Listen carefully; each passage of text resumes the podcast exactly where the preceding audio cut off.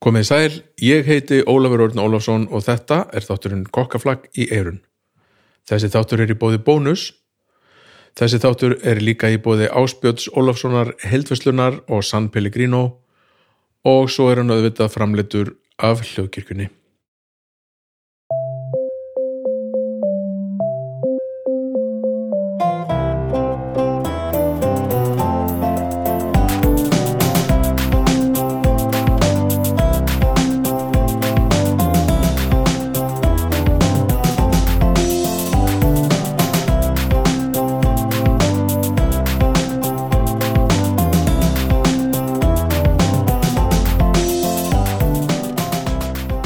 Komið í sæl og takk kærlega fyrir að smetla á kokkaflagg hvar sem þið smeltu á kokkaflagg sem þið getið bara eins og alla aðra þættir hljókjörkunar fundi bara á öllum helstu hlaðvarps veitum heimsins. Og takk fyrir að velja kokkaflagg upp á podcasti mitt þar sem fjallað er um mat og matatengt málefni á bara um, mjög svona fjölbreyttan hátt.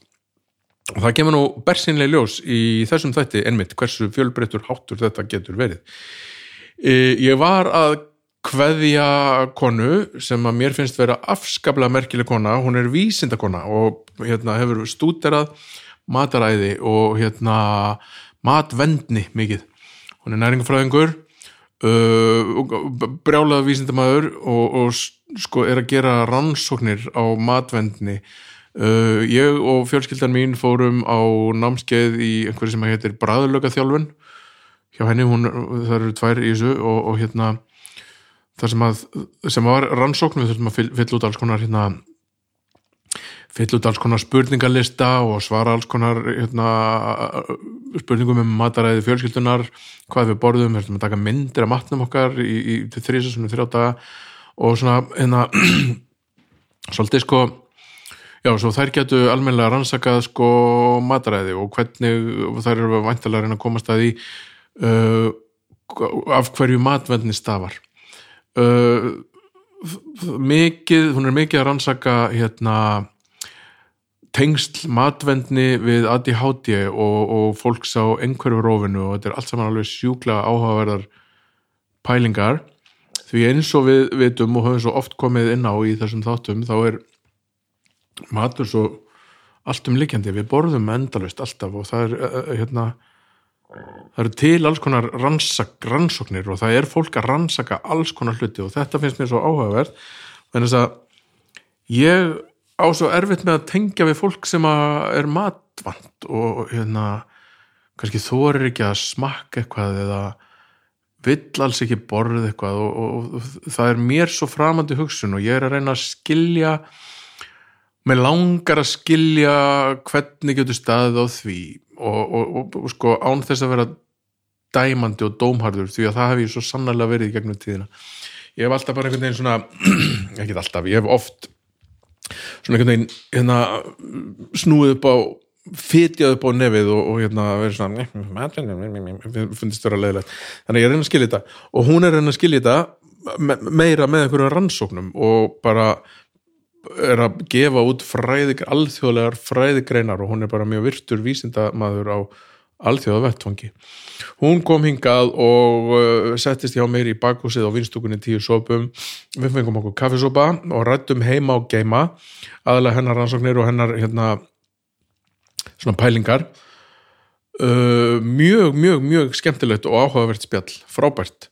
Og ég hlakka til þess að leiða ykkur að heyra það og Já, og ég hef verið að tala um það neitt meira. Nei, nei, tala ekki um það meira. Núna ætla ég að leiði ykkur að heyra okkur spjalla saman. Görið svo vel.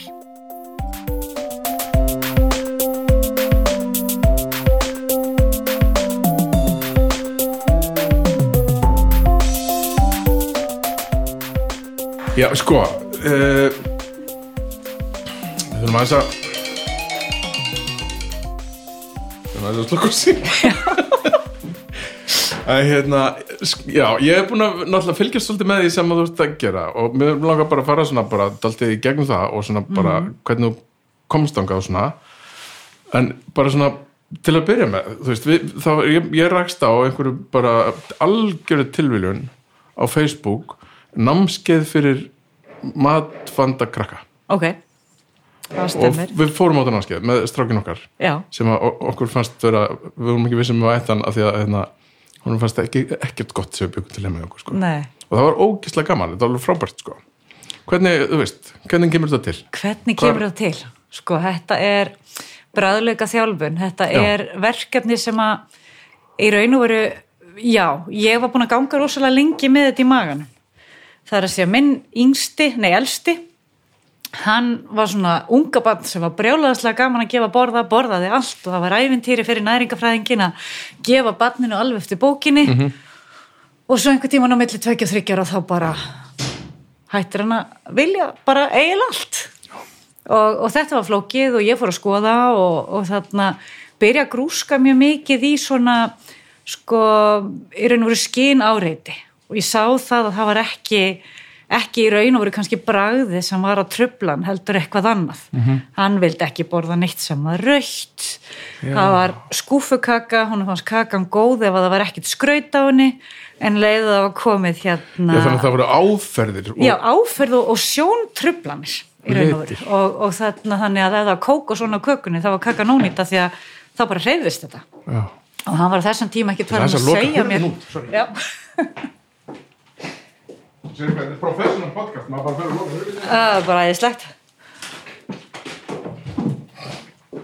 Já, þannig að, áreitið var ekki bragðið endilega heldur Nei, og ég sá þetta sama í raun og veru í mörgu svona eins og bara uh, þótti indislegt að fara í bað en ekki það eiginlegt að fara í sturtu því að þá heyrðist vatnið hérna á kollinum Já.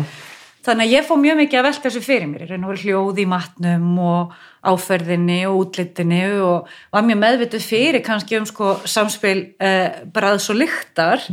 En svo bættist allt þetta hitt við. Og er að vinna og búin að vera samst, síðan 2007 að vinna nýra á Batnarspítala í heilsuskólanum sem að við þróum verkefni sem er fjölskyldu miðað úr, úræði fyrir hérna bötmófitu Já. og, og þar var ég í svona þverfaglegu teimi og ég uppkvitaði það mjög svona í tengslega við vinnuna sem vorum að vinna þar hvað er raun og verið allt svona sem næringafræðingur að, að fyrir mér er það svona næringarhegðun, fæðu hegðun sem að ég finnst mjög spennandi að ég þyrti eitthvað teimi með mér. Og ræði þetta við Urðin Jarðvík sem er professor í þarna barnasálfræði upp í háskóla. Og við vorum gengum lengi með þetta í maganum. Þannig ég, ég byrja að hugsa um þetta 2007-08 og við sögum alltaf þetta gerum við einhver tíman og, og ég þú veist, las allt sem ég fann og var alltaf að pæla í þessu og prófa mig áfram og gerði mjög mikið að tilraunum á, á mínum eigin bönnum þau þurfa náttúrulega að vera tilraun Eins og allir sannir brjálaðir vísindamenn. já, já, það brjálaði vísindamenn verða að nota fjölskylduna og, og sjálfan sig. Og komst reyndar að því eftir ég fór að stað með þetta og byrja að fara í viðtölum matvöndni að ég sko ég var mjög matvönd sjálf til tvítugs, já en það gerðist eitthvað í kringum tvítugt sko sem ég þá allt í einu fyrir að þykja matur sem er hans træðilegur allt í einu góður. Bara svona seinþróska bræðlökar hjá mér. Já. en ég hafði alltaf áhuga á mat og ég er svona um það byrja 11 ára sko þegar ég ákveða mig langi til að læra eitthvað tengt mat og næringu. Þannig að ég, ég sko samt var þessi rosa gikkur og satt eftir í skóla fyrir það að hérna klára ekki af disknum þannig ég fekk aldrei að fara í fríminútur ég var samt í skóla í Svíþjóð. Og það var mjög skemmtilegt því ég fór í þetta ferðalag og byrjaði að sjá sko sjálfa mig eins og ég var búin að vera að horfa á börni mín. Þegar ég var ekki búin að gera mig grein fyrir því fyrir en ég satt svona akkurat fyrir framann uh, útvarsmann og átt að fara að útskýra hvað ég væri að gera og af hverju. Og svo ég spurði, ert þú matvönd og þá bara, uh, nei. Og svo fór ég að hugsa þess lengra þannig að, að þetta var mjög, mjög áhugavert. Og svo sem þetta er það ekki fyrir en að hana, Sigrún Þorstinsdóttir fyrir að vinna með mér inn á Batanspítala og hún er eh, sem sagt salfræðingur mm. að við bara svona alveg smellum saman. Og hún kemur til mín í doktorsnám og fer að vinna þetta sem doktorsverkefni. Já, þessa, þessa bræðlöka bræðlöka þjálfun og það er svona sko til þess að vera brjálaði vísindamæðurinn þá þarftu líka brjálaði nefnendur Já. og sem að brenna. Það er einhvern veginn þetta sko þetta gengur svo mikið út á að brenna fyrir viðfangsefninu og oft í þessum svona hagnýtu verkefnum eins og þessu þá er erfitt að sækja fjö og fjármagn til þess að í raun og veru framkvæma. Þannig að þetta þarf að vera hobbyið þitt og þú þarft að vera vakin og sofin Já, yfir því að daginn í- bæði lesaði til og þetta við tókum á móti rúmlega 100 fjölskyldum Já. skimum 200 fjölskyldur og bara það að vera sko tvisar í viku eftir vinnu að taka Já, glaður á móti, móti ykkur og, og, og, og upplifa. En það var hver einasti dagur við vorum satt í þarna, þetta voru upphendur tvö ár sem við vorum að safna gögnunum já, og þetta var hver einasti dagur æfintýri og, og það er kannski líka það sem er svo gaman því að sko, sem vísindamæður ertu alltaf að læra og þú lærir af viðfangsefnunum þínum sem er náttúrulega hluti af því að safna gögnum og gera rannsóknir. En líka allt þetta sem er kannski ekki hægt að festa á blað og skrá og mun kannski aldrei koma fram í vísindagreinunum okkar að það er allt þetta sammannlega sem felst í mat. Tökum aðeins hérna, förum þangað á eftir, en tökum aðeins fyrst sko, bara fyrir þau sem ekki vita og, og eru að hlusta og hvað, hvað þessi í hvað fólst, felst í þessari bráðlökaþjálun Já, og sko já, það er aðeins bara að koma að hvernig byrjuðu, en svona, svona hvernig sko hvernig settustu niður þessi herði, getum við ekki bara að reynda hérna, já temja bara eitthvað börn hérna, Temja börnin, erum ekki frekar að temja fóreldrana Nei, Já, þarna- einmitt, sko. þetta er náttúrulega kannski sko, fyrir mér að þá er þetta svo mikið líka okkur þetta, þú ert ekki að setja bóða bönn, Mhm. þetta var leikur, þetta er ævintýri og, og ferðalag. Já. og það er þarna, við notum meðal annars nálgun sem heitir Sappere sem er upprunnin sem sagt á 8. áratugnum í Fraklandi Ok. og hefur verið notuð svolítið í skólum á Norðurlöndunum líka sem gengur út á í raun og veru að menta í gegnum mat, nota matinn sem miðil -hmm. og þú getur notað hann í hinnum ýmsu námsgreinum þetta gengur þá út á í raun og veru að nota öll skinnfærin til þess að skilja matinn og ferðalagið hans þannig að við erum með þetta, þú veist að snerta, horfa, þefa uh, og snerta er sko bæði með höndunum og með tungunni. Og það er aldrei, og hlusta, hlusta á mat, það er alveg gríðalega merkilegt hvað hljóðvist í kringum mat og ekki bara hljóðið í umhverfinu heldur hljóðið af Inn matnum. þú- inn í höfðinu á þér þegar þú býtur í eitthvað. Og uppvita hvað það hefur alveg ótrúlega mikið að segja og er notað í yðnaðinum í raun og veru líka til að fá okkur til þess að falla fyrir fristingum Akkurat, þess, þetta vissi ég ekki fyrir en ég kom á þetta námskeið til ykkar sko. Já, að, þú veist ekki, ég er búin að vera fórst við mat bara síðan ég var barn sko. en þetta hafði ég aldrei hugsað úti nei. Og svo, svo sögðu þið að það væri bara einhver markasteldir búin að fatta að allt sem að hljómar krönsi er meira hérna, spennandi fyrir, fyrir marga, já. já, fyrir hérna, markaðin einhvern veginn þetta, þetta er svona merkilegt já. og borða þú öðruvís eftir þetta eða skinja þú hljó, hljóðið ég öðruvís í geri, mat geri eða það eitthvað ekki en hérna, nei, nei, ég geri það ekki sko, en það, það er allt, alltaf einhver þekking sem maður nær sér í Já. sem er áhugaverð sko. Já, já og þannig að þetta gengur út á í raun og veru að fá fjölskyldur og við vildum líka sko að því að þetta er notatalsvært í skólum uh, viða í Evrópu en þetta hefur bæðið svona ekkit ofsalega mikið verið rannsakað uh, og, og sérstaklega ekki sko það sem við erum að horfa á að við vildum horfa á í raun og veru svona eins og skóla án aðgreiningar að við erum að, að, að bera saman og blanda saman börnum með og án taugaþróskaraskana því að matvendni og sérstaklega svona matvendni tengd skynáreiti er oft mjög uh, stór hluti af uh, greiningarmynd eða sínileika í enginum barna með taugur og þróskaraskanir og þá kannski sérstaklega einhverfu rófi Já. En við, þannig að við erum bæði með krakka með ADHD og einhverfu og svo bara börna á nokkura eh, þarna raskana. En þar leiðandi að þá oft sko þetta eru stundum börn sem þurfa með sér stuðningin í skóla. En þetta geti verið svolítið dýrt úrræði til að byrja með í skóla og sérstaklega þegar við vildum mæla þennan hóp, hvort það væri hægt að minka matvendni hjá honum, það því að það hefur bara nánast ekkert verið skoðað og þannig að við ákveðum að nota skólaumhverfið, skólastofu nota kennslun eins og við værum með skóla en bjóða foreldrum með. Því að náttúrulega matar upplifanir barna eru alveg það er helmingurinn sem er heima og svo er skólinn. Og það er mjög margir foreldrar og hérna, við heyrðum þetta mjög oft hjá okkur. Það er þetta barni sem borðar í skólanum eða leikskólanum en ekki heima og öfugt og jáfnvel sami matur sem að bragðast ekki eins á mismunandi stöðum. Þannig að, að þetta var svo mikið að fá kannski foreldra líka til að bara spurja nýra spurninga, spurja sjálfa sér nýra spurninga, auka orðaforða til að eiga samtala um mat við börnin sín og sjá hvernig það í raun og veru getur e, breytt ekki bara sko, það er til dæmis aldrei skilda borðan það er ekki skilda heldur að setja matin upp í sig Nei, heldur er bara að upplefa hann. Já. Þannig að þú getur til dæmis fest orð á það af hverju þú kannt ekki við eitthvað. Já. og það var aldrei oi, aldrei þú veist þessi leiðilegu orð reyna að æfa sig líki að sína ekki þannig svipriði sem getur Akkúrat, verið mjög erfitt af því að það er bara eðlislægt Mhm.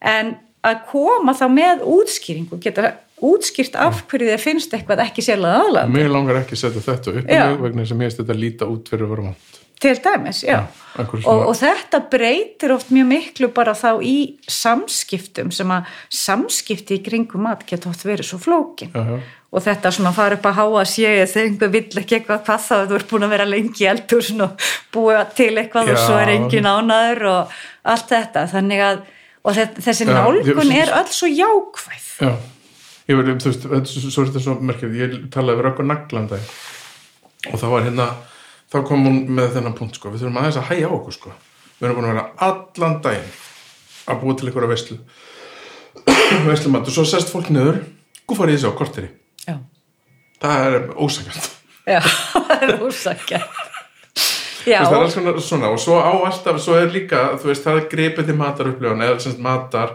þá halda upp á eitthvað. Já. þú veist, það eru jólinn og jólamatur og það eru fermingar og fermingavislur og, og hérna, og það er bara svona svolítið universal í öllum heiminum að það er matur notað til þess að halda upp á já, og það lítur að vera óþægilegt fyrir þig sem ert, ef þú ert er, finnst ekki engin matur góður eða mjög matvönd, Já. það lítur að vera kvíðavaldandi að fara í, í hérna, veislu til dæmis.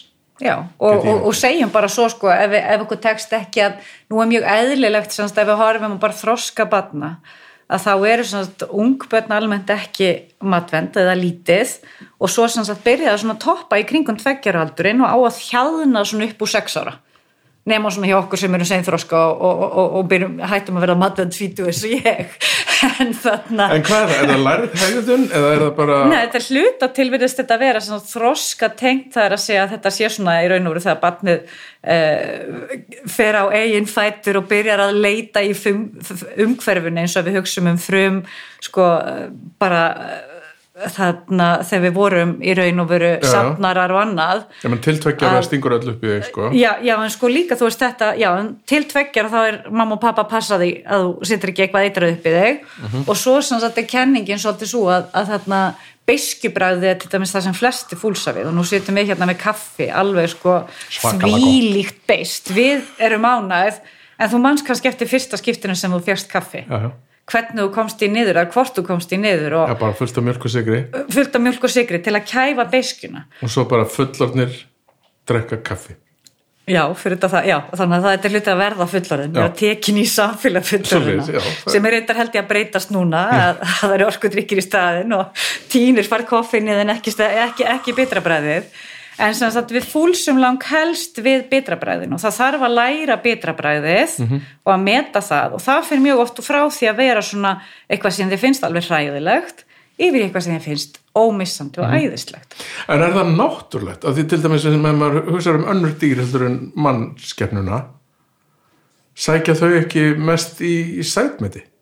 Þú veist, bara hérna ég veit ekki, bara Já. sækja í sætber Já, við sækjum og við sækjum náttúrulega langmest í sætmynd og það er eina eiginlega bræði sem við þurfum ekki að læra að Já. þarna, og það er náttúrulega líka sko hluti af því að þarna bara tryggja í raun og veru að við komumst á legg móðurmjólkin er dísæt Mhm. Akkúrat.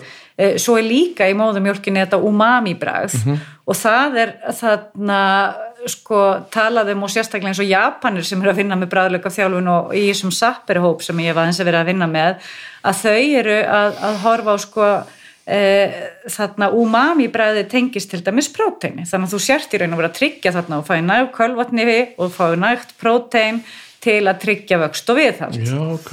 þannig að móðumjólkin sé með þetta bæði og þetta séu bröðin sem við þurfum í raun og vera ekki að æfa okkur í Einmitt, þannig að það sem eftir er, þá leitar í þetta. og, og þetta er svona svolítið sko og líka náttúrulega þetta hlýja og öryggi og svo búum við þetta ennþá meira til með því að halda veislur með sætmyndi þannig að við Áhugavert. búum jáfnvel til einhvers konar víta ring áhugavert. þannig að, að þetta er ótrúlega sko spennandi og það er náttúrulega rosalega margt í þessu sumt af þessu er vísandilega uh, búið að skoða annað af þessu eru kenningar og hugmyndir og svo fléttast auðvitað inni og það er kannski svona alltaf þegar maður er að vinna með mat að það er bæði svo erfitt að aðgreina, það er mjög erfitt, þú getur ekki gert neina blindar rannsóknir með mat af því að þá verður að setja það inn í eitthvað sko næringarefni sem fæðubótarefni eða eitthvað þar sem þú getur falið eitthvað sem þú ert að mæla, þú felur ekki svo auðvitað mat Nei. þannig að þarna, þú veist hvað ert að borða og skinu áreitið og þetta að, að sko þannig að við getum kannad áhrif næringarefna blind en Já. við getum ekki matar upplifun að hún verður alltaf lituð af svo mörgu minningum og alls konar þannig að það er erfitt að rannsaka þetta og mjög mikið svona í raun og veru að, að blanda saman meginlegum aðferðum það sem við erum með svona tölfræðileg gögn og svo þetta eiginlega og reynsluheimurinn og, og, og það að fá sögur fólks og sjá í raun og veru eh, hvað þetta er flókið. Og matur er gríðarlega flókið viðfangsefni og í raun og veru því meira sem ég skoða þeim en meira sé ég að veit bara eiginlega ekki neitt. Þú þeim svo Sókrates bara. þetta er eiginlega en Nei, þetta og er gríðarlega sko, svo, spennandi. ég hef nú svolítið verið uh, hérna, hræðast, lefurhræðast í vínheiminum og það eru til bara svo kallega súpetestes mm. það er fólk sem að hérna, sem að leiði manna því að fólk er með mismunandi uh, gott bræðskinn eða hérna, næmt bræðskinn kannski, frekar. Og væntanlega ef þú ert með mjög næmt bræðskinn bara eins og ef þú ert með mjög næmt hérna, heyrn, næma heyrn þá veist þér erfitt að vera mjög háaða Já. Þannig að kannski ef þú ert barn sem er með hérna, mjög næmt bræðskinn þá finnst þið kannski erfitt að borða bræð mikið mat. Já, og það er alveg eitt af þessu sem er sko og það er svona kannski eins og sko nálgunin okkar í bræðleikafjálunum er svolítið að við vildum fá hennan hóp það er að segja uh, bara fjölbreyttar fjölskyldur alla til að taka þátt og geta í raun og veru tekist á við erfiðasta hópina því að semst flest okkur er þetta þetta vext smám saman af okkur af því að við venjumst áreitinu. Já. en svo hjá börnum með taugaþróskaraskanir að þá e, í raun og veru hverfur ekki semst, þá, þá heldur þetta áfram að vera vandamálin á fullunasárt, þetta vex ekki af þér á sama hátt. Og þá annars verð kannski sko hefur alltaf forðast áreitið og ekki verið þá og unnið áfram með áreitið eða það að þú þarft ekki kannski lengri tíma til aðlegast og svo er náttúrulega þetta, það er ekkit eðlilegt kannski að öllum þykja allt gott. Nei, og en þetta getur sko, orðið og mjög svo kannski langar þið ekki að gera þetta. Þú bara ert í bara góðum fylgjum og getur fengið bara hambúrgar og hann er góður. Já, en þá er spurning okkur að við erum að horfa á sko annars vegar okkur næringagildi og það að tryggja við, við, við fáum all næringarefni og, og bara vöxum út öfnum. En hitt sem að þú nefndir okkur sko áðan þetta eins og það að vera fullorðin við það að fá sér kaffi að þá getur verið gríðal og þú talaður um þetta sko kvíðan að fara í veistlu að ef við lærum ekki að vinna með þetta að þá getur þetta verið mjög heftandi félagslega að geta ekki borðað alls konar mat eða allavega ekki að taka þátt í upplifunni og þar að lendi til dæmis bara þetta að breyta orðanótkunni þá getur kannski verið í bóði þar sem þú borðar ekki allt en getur samt upplifað þessin hluta heildinni og það er ekki jafn ábyrjandi og Akkurat. þannig að, að, að þetta svo þetta hefur svo, og sko matur er akkurat þetta og ef við horfum á bara sko skilgreiningu og heilsu þar sem við tölum um sko líkamlega, andlega og félagslega þáttinn að þá það sama þegar við erum að horfa á matin og matarumhverfinu og matarupplifuna við verðum alltaf að horfa öll þessi þrjú uh, rófi raun og veru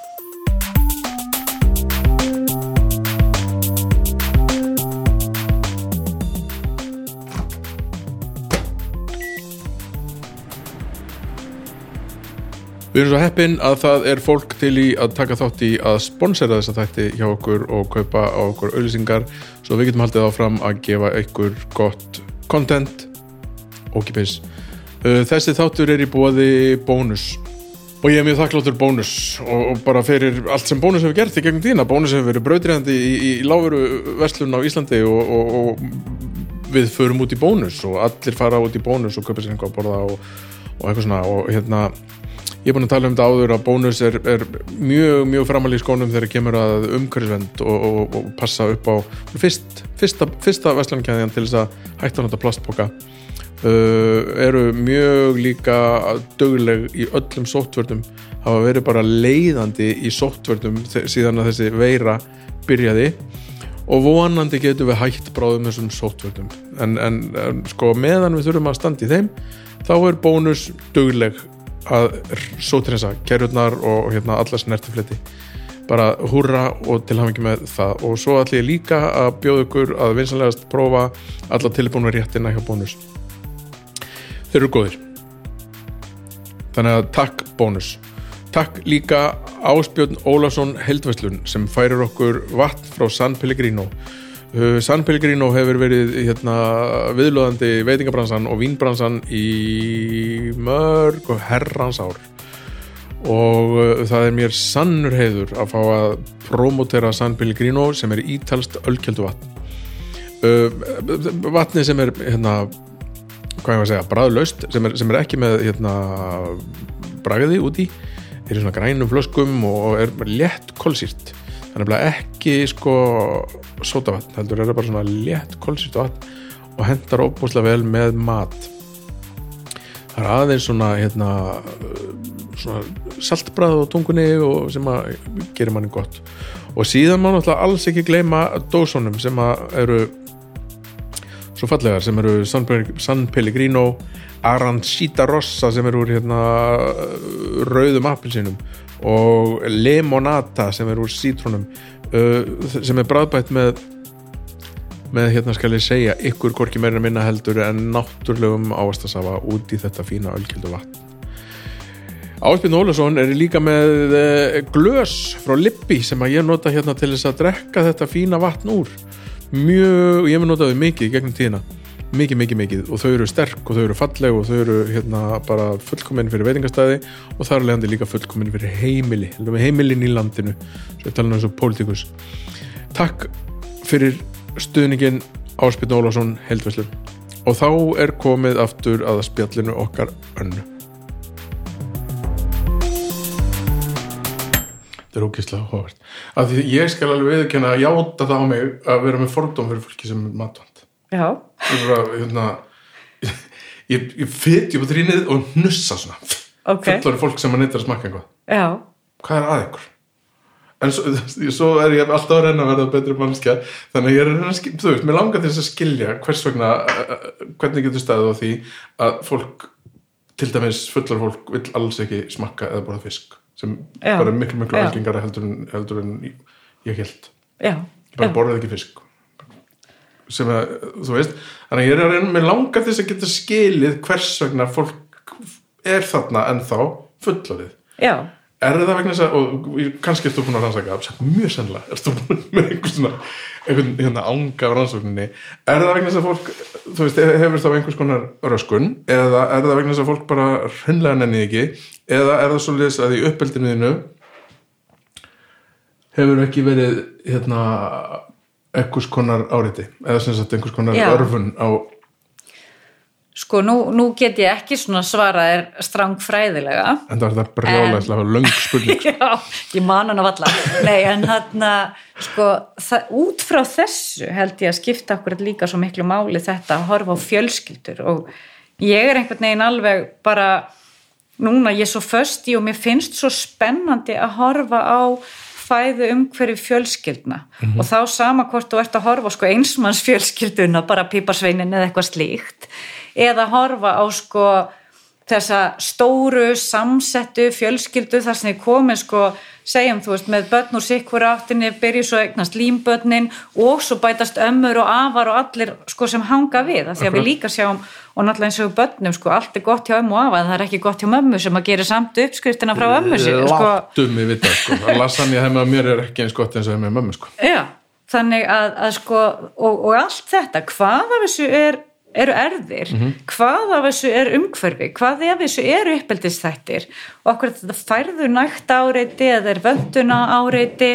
Ertu að spegla þar að segja hegðuna við yfirleitt speglum fóreldra okkar?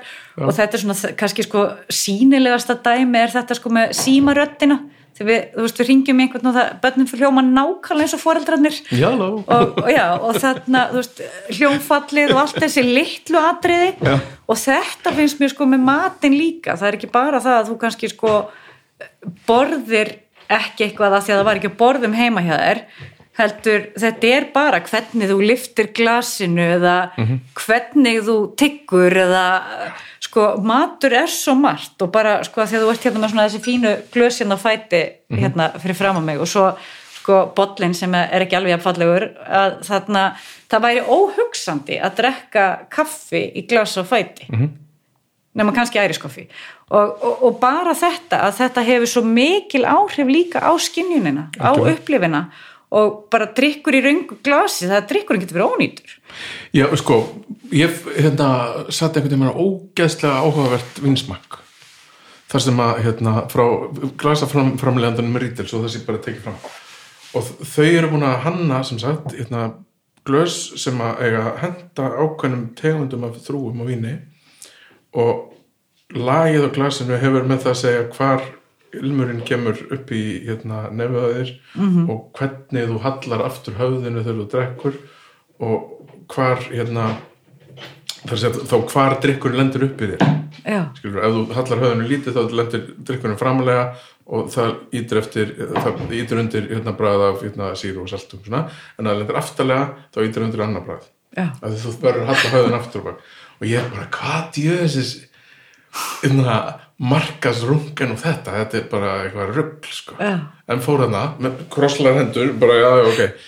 Ég skal taka þátt þessi þetta er makalust, svo smakaði maður saman vínur öðruðsklassi og svo smakaði maður, smakaði eitt vín bara úr pappaklassi bara hvernig veistu hvað þetta bara allt í leið og svo sama vín úr hérna, hérna glasi þar sem það var verra enn í pappglasinu af því að það lendi á villustæð munna Má drekka vín úr, pappaglasi? En maður er í, í útlögu eða í flugvél. En þetta er sko og akkurat bara þetta? Að, að, að sko þá þetta sé og við notum þetta náttúrulega ekki bregðleika þjálfun og það var mjög skemmtilegt að þegar maður fer þarna við Sigurum fórum til dæmis á mjög skemmtilega ráð, ráðstöfni í hérna árósum í Damörku fyrir tveimur árum síðan þar sem sko matur er svo svakalega þverfaglegur og það er bara fólk úr öllum áttum að mhm. vinna eh, við rannsóknir tengdar mat alveg frá því að vera sko hérna ég held að einn hafi verið sko geim-eðlisfræðingur sem að var að hugsa því að matur eru öðruvísi sko þú ert hjá NASA út í geimnum og þá Akkurat. breytist öll, öll, öll skínupplifun og,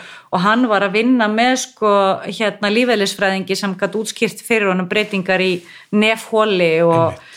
sko þetta er bara, þetta er alveg og svo þú veist eru mannfræðingarnir og næringafræðingarnir og svo framvegist og sálfræðingar og, sálfræðingar og, og þarna var bara verið og lista fólk og kona sem var að búa til sko listaverku pasta. Mm -hmm og það var ekki svona skrúi listaverk eins og maður bjóð til í leikskóla sem að límdi. Það var alls ekki þannig. Og hérna hún sögð held ég pastaði í einhverju gufi sem hún gast gengið inn í. Ég, bara, ég man ekki nákvæmlega okay. hvernig þetta var en, en sko þetta var svo mikil upplifun að því að þarna fjagstu bara alveg nýtt sjónarhátt og maður mhm. kom heim með bara ótal luti sem að einhvern veginn næri svo sko vísindamannin nýja byrja að hugsa upp á nýtt og öðruvísi. Mm -hmm og rannsóknir er okkur, við þurfum að vera rosalega ferkvöndu til að komast að sko vinna eftir ofsalega stífu rannsóknarsniði en á sama tíma þarf góður vísundamæður alltaf að vera mjög kreatífur og skapandi Já.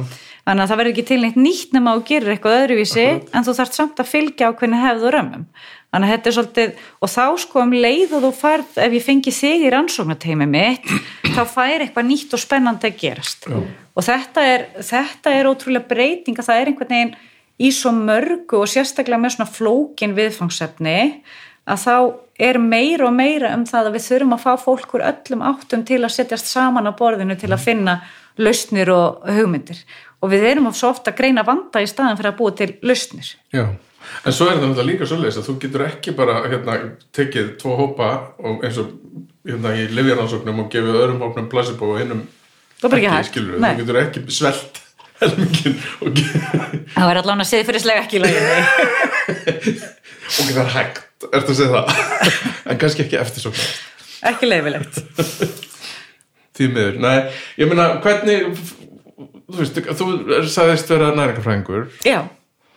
Og var það bara þegar þú varst tvítið og bara, djöð, ég finnst ekki lengur allt vant, ég ætla að fara í þetta. Er það, hvernig lendir maður það eins og ég segi, ég, ég sko byrja á því að mér langar einhvern veginn þarna sko, ég held ég að vera 11 ára því ég fyrir fyrst að hugsa um að mér langi til að vinna með eitthvað svona eh, næringu og heilsu og var eitthvað mikið að pæla í akkurat sko eh, orku jafnvæginu og þetta maður þurft að reyfa sig og borða hólt Já, kemur þetta úr einhver svona íþróttamkörfi, eitthvað svolítið? Já, samt úr... ekki beint neitt Nei. og þarna og, og svona ég, ég átta mikið alveg sko, mér finnst samt mjög áhugavert við erum margar sko næringafræðingarnir sem að ólumst upp í svíð þessum krakkar. Já. og ég held að þetta hafa hluta til verið heimilisfræði kennslan þar sem að hafi haft eitthvað að segja. Sem að snýrist mikið um næringafræði Já, svona svolítið allána, það var bæði bóklegt og verklegt og, og, og svo bara skólamaturinn hafði örgulega sitt hvað að segja því að þú veist,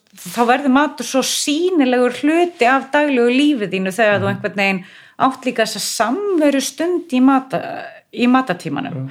Og svíjar er í dag til dæmis með í sínu sko, í sínu námið í skóla umhverfi að það var miklu meira vægi sett í skólamatin, hann er alveg misgóður eins og hjá okkur, en þetta hann sko heitir den pedagógiska máltítin og hugsað um það að þú hafir í raun og veru máltíðin hafi bæði kennslugild og uppeldisgildi og það sé Félags- tækifæri til að miðla í gegnum matartíma. Já, sem félagslega aðtöp líka. Já, Já. meðal annars. Og þú, þú lærir hluti í matatímanum og kannski sko barnið sem ekki tjáir sig í tíma getur tjáð sig í matatímanum um viðfangsefni sem það hefði áttatalum í tíma. Þannig að það losnar um alls konar hamlur og þetta í kringum matin þannig að það skiptir svo miklu máli. Þannig að mig grunar kannski sé þetta eitthvað svona sko okkar fæðu umhverfi En uh, já, svo var ég einhvern veginn komið mjög mikið svona áhuga á, á grasafræði og, og, og svona uh, í raun og veru grasalækningum og einhverju slíku þegar ég er í mentaskóla og fór að skoða hvað veri hægt að gera í því og þá var einhvern veginn fer ég í, í námskynningu upp í háskóla og þar grýpur Inga Þórsdóttir mig sem er sem sagt professor í næringafræði og var hérna, upp í háskóla og segir kondi í matvælafræði og þaðan getur þú farið í næringafræðina Já, og þannig að það fer úr grasafræði yfir í að verða næringafræði ég, mér fannst það svona já, góð nálgunum því að þá er ég svona bara græmmyndislegnir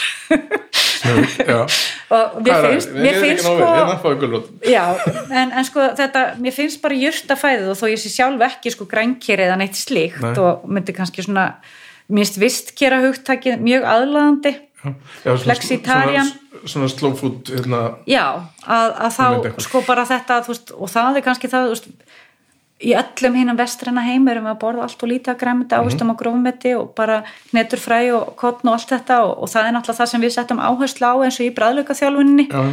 og líka því að þetta er þægilegt efni en eiginlega merkilega framandi fyrir bæði börn, börnum og foreldrum. algjörlega. og það var eiginlega það sem kemur manni mest á óvart að sjá sko að foreldrar eru kannski alveg líka bara eins og orðaforðin í kringum að allt eh, grænt hvort sem það er kál eða salat bara heiti kál hjá mörgum.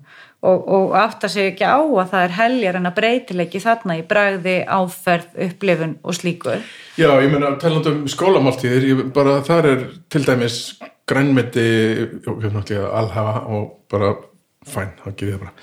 Þar er algengt að sé keift inn bara frósi grænmeti og svoðið í drast og börnunum gefið það og það er, finnst bara það engum gott fyrir utan að það er engin næring í því. Ef þú kaupir póka af fr- frosnu brokkoli sem þú hendir svo bara í opn og gufi síður og allar svo til að börnum finnst það gott á bræði með hérna, fiskinu sínum næningum árangar svo leis ég get bara að lofa þér í það er enginn að, enginn að fara að segja mmm, brokkoli uppáldið mitt. En það myndi, myndi vera með þú veist, annarvært bara lítisóðið eða rátt brokkoli þá myndi miklu, miklu fleiri krökkum finnast það gott. Já. Ég bara fullir það. Getið einmitt sagt ég skemmtilega að sögu og svona hvernig ég lærði að borða spínat nefnilega. Ég, hérna, spínat var eitt af þessu sem algjörlega bara sænski skólamaturinn skemmti spínat fyrir mér. Bara það var bara dós og er bara svona frosið svona í pökkum.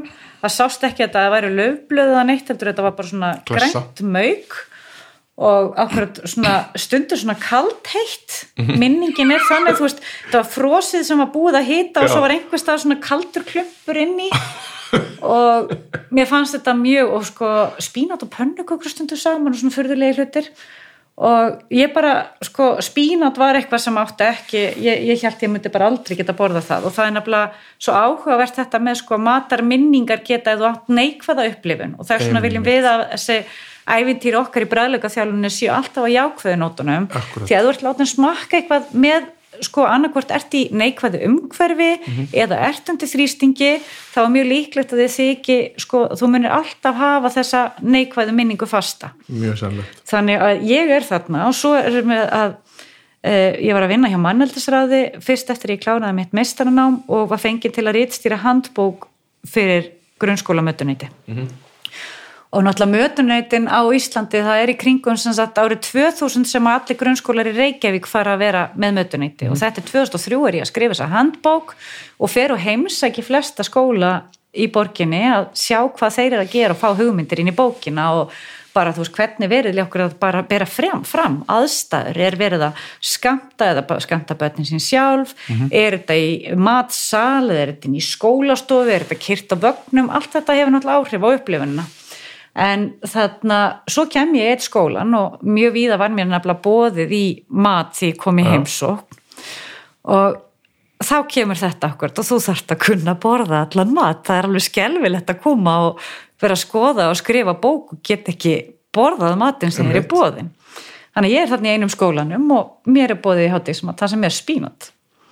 Nema það að ég er þarna bæði horfi á hann elda og hérna var svona svolítið kvíðin en það var spínatið sko bæði, þetta var fest spínat og steikt og það var hvítlaugur og hvort það voru einhverju smá sveppir með. Já. en allavega þarna allt einu sko bragð. steikt spínat sem voru löfblöð og svo stutt steikt að það voru ennþá þú máttir sjá að þetta voru blöð. Og þetta var bara ný upplifun. Ég get ekki sagt að ég elski spínat en þetta var Já, sko þarna bara uppvötunin en ég hefði sagt nei takk sko. Já, má ekki bjóða spínat. hef, hefði einhver sagt má ekki bjóða spínat? Já. ég myndi aldrei horfa á matseil og fá mér Nei. spínat. Nei. en þarna þá yfirvann ég í raun og verið þennan kvíða og óta gagvar spínatinu. Og þetta er sko þetta eru ævintýrin sem við þurfum að eiga, að geta snúið neikvæð upplifun upp í eitthvað jákvætt og upplifun. Upplifun er svo mikilvæg í mat eins og þú náttúrulega þekkir Ég, það er bara það sem ég er búin að vinna með. Já. Það er upplifun í mat og ekki bara, bara alveg, þannig séð hefur mér verið alveg saman með næringu bara svo lengi sem hann góður bræði, sko. já, já, Og það er bara það sem að, bara, og, og hérna, ef fólki finnst eitthvað ekki gott, þá bara spurningum að annarkvort geða einhvern veginn öðru sig, mm. breyta bræðinu og ég hef aldrei hugsað að það geti verið einhvað, þú veist, eins og, eins og þú, varst að tala um rannsókn, rannsóknir tengdar ennkörfu og tengdar, hérna, að þessu bestis, er það ekki? Að jú, já. Sko, er það bara hefur það verið rannsakað? Eru tengsla milli matvendni og, og þessara Sko, matvendni tíðnin er hærri hjá bönnum á einhverju rófi heldur en hjá bönnum almennt og sérstaklega þetta upp eftir aldri. já, Að við erum að tala um kannski sko að 25% barna séu matvend en það getur verið sko 75-90% allt eftir hvaða rannsóknir þú ert að horfa hjá bönnum á einhverju rófi. E, með ADHD er það aðeins minna skoðað en það er til dæmis hvatví sem getur haft mjög mikil áhrif á matavenjur því að þú í raun og veru þá kannski e, finnur síður stopparan hvenær þú erst búin að borða nóg Já. getur líka það eru einhverja rannsóknir sem benda til að e, sækni í sætt síðan þá meira í þessum hópi og þá ef að sæknin er mjög mikil í sætt þá getur þú náttúrulega mist af að upplifa allir hinn brögðin.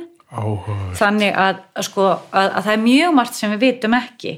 En við sáum að þessi hópur í raun og veru á það sameilegt að svona að, að, að sko oft skín heimurinn í kringum mat getur verið flóknari. Já, en svo er nefnilega svo áhugavert að því að í raun og veru byrja ég færðalagið að bræðleika þjálfunni með að vilja rannsaka þennan hóp og sérstaklega því að þar vantar þekkinguna en það eru svo oft nákvæmlega sömu þættir undirliggjandi hjá bönnum ántögu og þróskaraskana og þarlandi var hjá okkur einhvern veginn þetta að finna einhverja leið sem að sko og maður vil kannski gætna að sjá þetta í framtíðinu sko ég veit ekki alveg hvernig lausnin verður með að geta bóðið svona inn í skóla umhverfinu og kent þetta en líka náð til foreldra. Því við eigum svolítið þetta með erfitt með stundum að ná til foreldra þegar við kennum eitthvað inn í skólanum þó að við séum með til dæmis efnið að tengingu heim. Akkurat. þannig að, að, að við völdum þarna námskisformið til að tryggja aðkomi foreldra. Það er enda líka bara praktist að því að við þurfum að sapna gögnum þar sem að spurningalistur og annað sem að verður að leggja fyrir foreldra um börnin. En, en það er akkurat sko að ef við erum með verkfæri sem gagnast öllum að það að finna lausnir sem eru einfaldar og hjálpa öllum það er svo mikilvægt. Er komin niðurstað úr þessari rannsókn ykkar? Við erum að bara? vinna, það er bara fyrstu greinarnar eru núna í reytrýningu Já. þannig að við verðum bráðum tilbúna til að kynna niðurstöður. Það, eru þær- það er alltaf að gerast í réttri röð í vísindaheiminum. En getur þú sagt hvort það er komið á óvart eða hvort það er hérna eru veist, hvort það niðurstöður komu á óvart eða hvort það það voru allavega mjög jákvæðar og Já, hérna hvort það er kollvarpa Já. kannski einhverju Nei, en, en við, sko rannsóknin okkar er brautriðandi. Það hafa ekki aðrir verið að skoða þetta sama, sérstaklega ekki samt með tilliti til taugaþraskaraskana. Þannig að, að þetta eru mikilvægt innlegg í, í þessa þekkingu.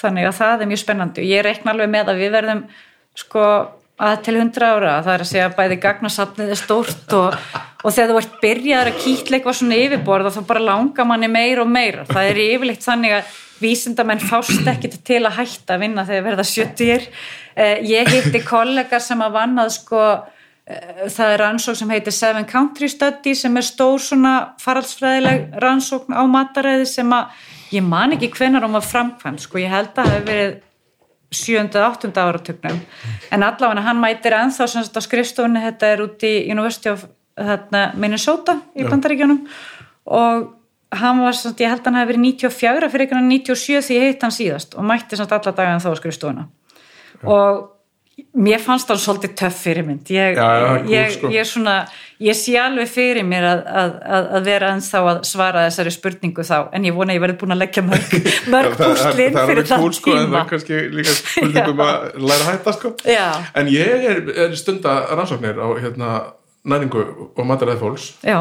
ég skoða alltaf í kerruna hjá fólki sem mæti búðinni. Já, það er svolítið skemmtilegt. Gerur líka?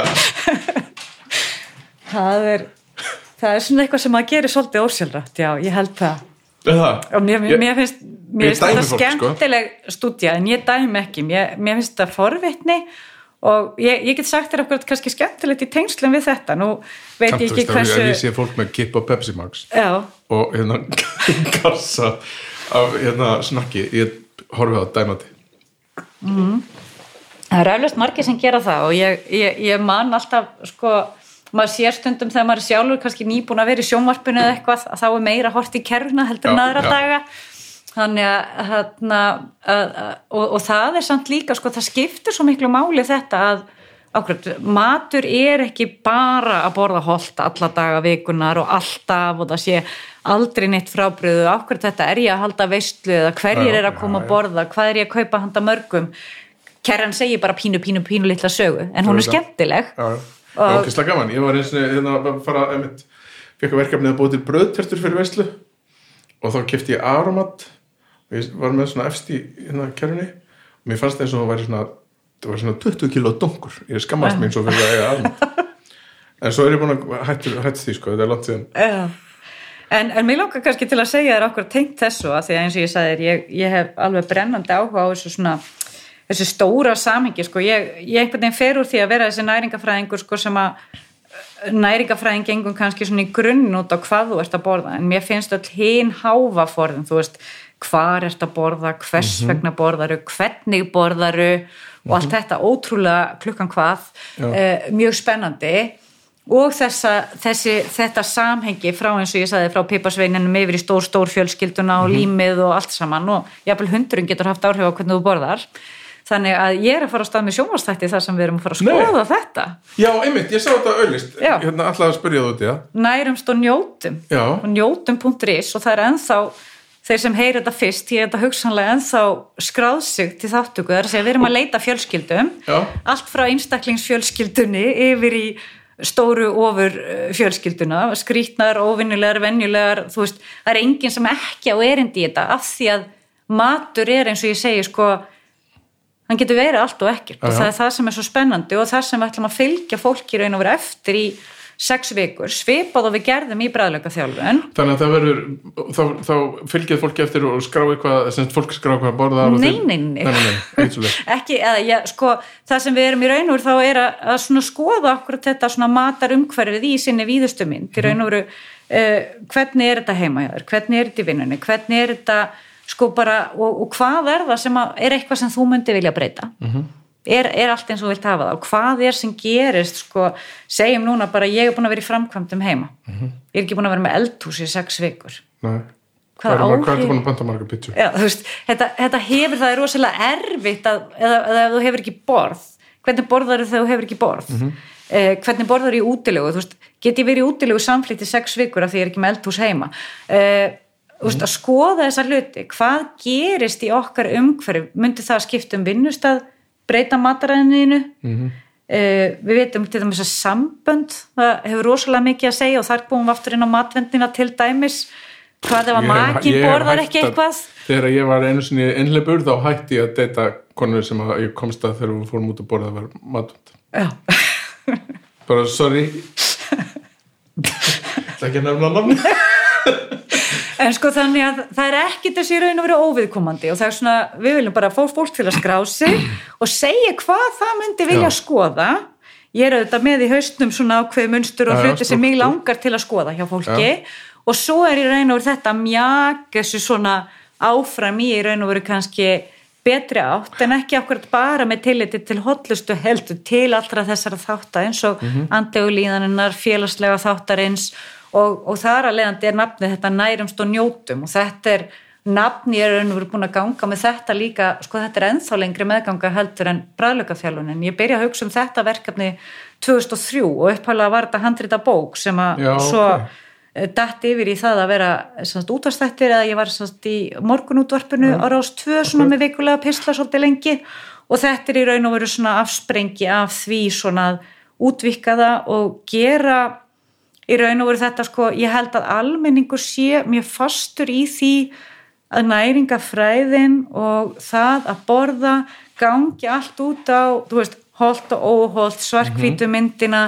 það sé alltaf verið að skamma þig, það byrja allir, þú veist, fyrir mig að við fyrir að deyta þá er byrjað að afsaka sig yfir hvernig þú borðir eða af hverju þú veljir þetta eða hitt og svo framvegis. Það er að ímyndin er að maður verði alltaf að vera fullkomin og stundum rænir það svolítið ánægjunni. Já, Þannig að sko þetta hvernig ég- saman hotlusta á að njóta? Nákvæmlega, og ég hef rætt þetta svolítið sko, og það er svo mikil það er svo mikil sko uh, hluti af einhver svona orðið kringum mat er, er að skammast sín fyrir að njóta mm. bara, og, og ég ætla aftur að nefna bara við afsökunar fyrirtækið sætarsindir sem gerir æðislegar kökur algjörlega frábærar en þarna bara nafni á þessu fyrirtæki segir þér að þú sést að gera eitthvað rámt með því að fá þér kökurnar. Já. og það er svo algengt að fólk segi hvað mann aðeins svona fyrst aðeins mann aðeins að leifa sér og þú veist eitthvað. Og þá ertu komin strax með einhver svona skömm yfir því að vera að borða eitthvað sem þér finnst gott. Já. eða borða mikið af einhverju.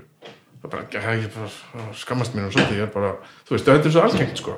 Og þetta finnst mér svo opbóðslega skrítið. Ég skildi ekki, að ég kannski hef, hef ekki þess að sko en mér finnst þetta svo áhugaverð hérna, pæling sko. Já, ég var að lesa mjög spennandi, það er eitt af þessu sem ég er að skoða núna og hérna, ég er að vinna í mörgum svona þverfaglegum teimum og ég er líka að vinna til dæmis með Matís, uh, vinkonum með Kolbrún Sveinsdóttir sem að hún er sérfræðingur í skinnmati.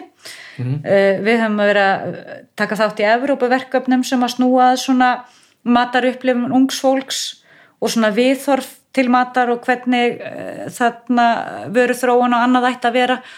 Og þetta svona gerir það verkum, ég er alltaf með vísandagreinar á náttborðinu. Og mér finnst mér finnst vandræðilega skemmtilegt að lesa um mitt viðfangsefni. Það er bara, ég, ég er svona fagidjót eins og maður myndi kalla bara það. fjölpengi við þetta sko. Og, og þarna, ég var að uppkvita sem sagt, eh, þarna það er sem sagt lífsánægju fæðu tengdur lífsánægju kvarði ok, og þarna var ein rannsóknin gekk út á það að skoða hann sko í mismunandi löndum. Mhm. og þetta er sagt eh, já, fæðutengt lífsánægja hjá mjög mörgum uh, löndum var hotlustu tengt, það er að segja að þú værir ekki ánæður nema þú værir í raun og veru að standa þig. Mhm, já. að krafa um að borða eitthvað holt auðvitað líka þetta mann líður vel þegar maður kann að borða holt og borða holt þá er það það- stór hluti af, og- af veljiðan og það, það, það er mjög gott þegar þú skinnir að það er veljiðan en ekki eitthvað annað sem að á, það á að vera í raun og veru drifkrafturinn til að ít undir að þú borðir Mhm. holt en þá var áberandi sem sagt að frakkar skáru sig í, úr í því að lífsánægja þeirra í kringum mat var umhverfið og okkur það að setjast niður og félagskapurinn og, og svo margir aðrir þættir og hotlust að kom talsert aftar hjá þeim á sama tíma og þeir eru ofta að borða samt hotlar já, þannig að, að sko hvað skinjar hvað dregur Mhm. fram? Og þar er alveg sko þegar við erum að reyna að hvetja til að borða holt að það er hægt að gera það í gegnum að vera ekki alltaf samt með sko talum hotlustu heldur taka í raun og veru akkurat veljiðunar vinkilinn, Já, akkurat. upplifuna vinkilinn og ég held að eins og í Já, við getum þetta að bræðleika vera ekki að neita þér alltaf um eitthvað. Ég held að það sé ekki holdt á þess að ég hef verið rannsakað já, já og, og þú veist bara búi ekki til kvíða eða streitu í kringum Já, mat. akkurat. að þú upplifir alltaf að þú hafi gert eitthvað banna þá náttúrulega er það Já, það er alltaf með svona skömm einhverja og Sko- Já. Og svo sama náttúrulega við horfum á það að þú veist allt sem við höldum frá börnunum okkar er meira spennandi Já. þannig að við búum til svona við búum til sko ánægju kvarða eða einhvers konar hýrarkíu þar sem að sem til dæmis ef þú umbunar uh, það ef þú klárar fiskið en færðu ís Mhm. Að þá fer mér að þykja fiskurinn verri og verri og verri Af því að því að ég þarf að fá velum fyrir hann. Þannig ég er búin að búa til þarna hugrinningar tengsl um það að fyrst að mamma gefur mér ís ef ég klára fiskin minn þá hlýtur fiskurinn að vera vondur og fiskurinn verður verri og verri og ísin verður betri og betri Nákvæmlega, hann þarf að vera, hann, þá verður þetta orðin eitthvað svona hérna, eldskýrt já, Já. já, þannig að við getum skemmt líka matarupplifun með, með þessum tengingum Mhm. Sem við búum til og þarna er oft mjög mikilvægt að, að rjúfa svona tengingu. Sjúkla áhugavert. Segðu mér aftur hver maður getur skráð sig í þetta, hérna, í þættina, já, njótum.is njótum.is. já, Takk kærlega fyrir að koma og heita mig. Ég held að við séum bara komið með þetta, Billy. Hörru, frábært, gaman að hitta þig.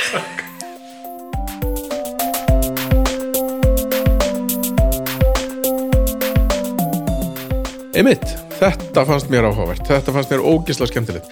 E, eina vesennið í þessu viðtali var að þegar ég var búin að slökkva, þegar ég var búin að segja, er þetta ekki komið, þá heldum við auðvitað áfram að tala saman og ég hefði, ég kunni ekki alveg við að íta aftur á upptöku af því það er svona, veist, svona leðilegt að koma aftur á fólki, en þá fórum við að tala um sko, sem að mér, mér, mér hefur fundist áhugavert, það er svona einhverju svona kynjaðar pælingar í mat og við, hún er líka búin að stúdera það, auðvitað hún er búin að stúdera allt ótrúlega mögnu þessi kona og, og bara endilega kynnið ykkur rannsóknirnar þeirra.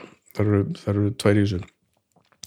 Og, og farið og meldið ykkur í, í, í þessa þætti. Hann vantar eitthvað gott fólk. Uh, nú uh, áður en ég hveð þá að vanda ætla ég að hvetja ykkur öll til þess að hlusta á hljóðkirkjuna alla sjö þætti hljóðkirkjunar sem ég ætla nú ekki að tellja upp í þetta sinn. Sannlega fyrsta skipti í öllum 30 og eitthvað þáttunum sem ég hef gert sem ég ætla ekki að tellja það upp. En bara kíkið þið á hljóðkirkjuna uh, sláðið bara inn hljóðkirkjana á hérna á pod, hvað heitir þetta hérna Spotify eða Apple Podcasts eða Podbean eða bara hvar sem einhver finnst þælast að ná í hlaðvörp þar er hljóðkirkjan með alla sína snild Uh, að því sögðu þá bara er ekkert annað fyrir mig að segja heldur en takk kærlega fyrir að hlusta. Og ég hlakka sjúklega mikið til þess að koma með nýja þátt í næstu viku og hann verður góður. Takk fyrir mig, bye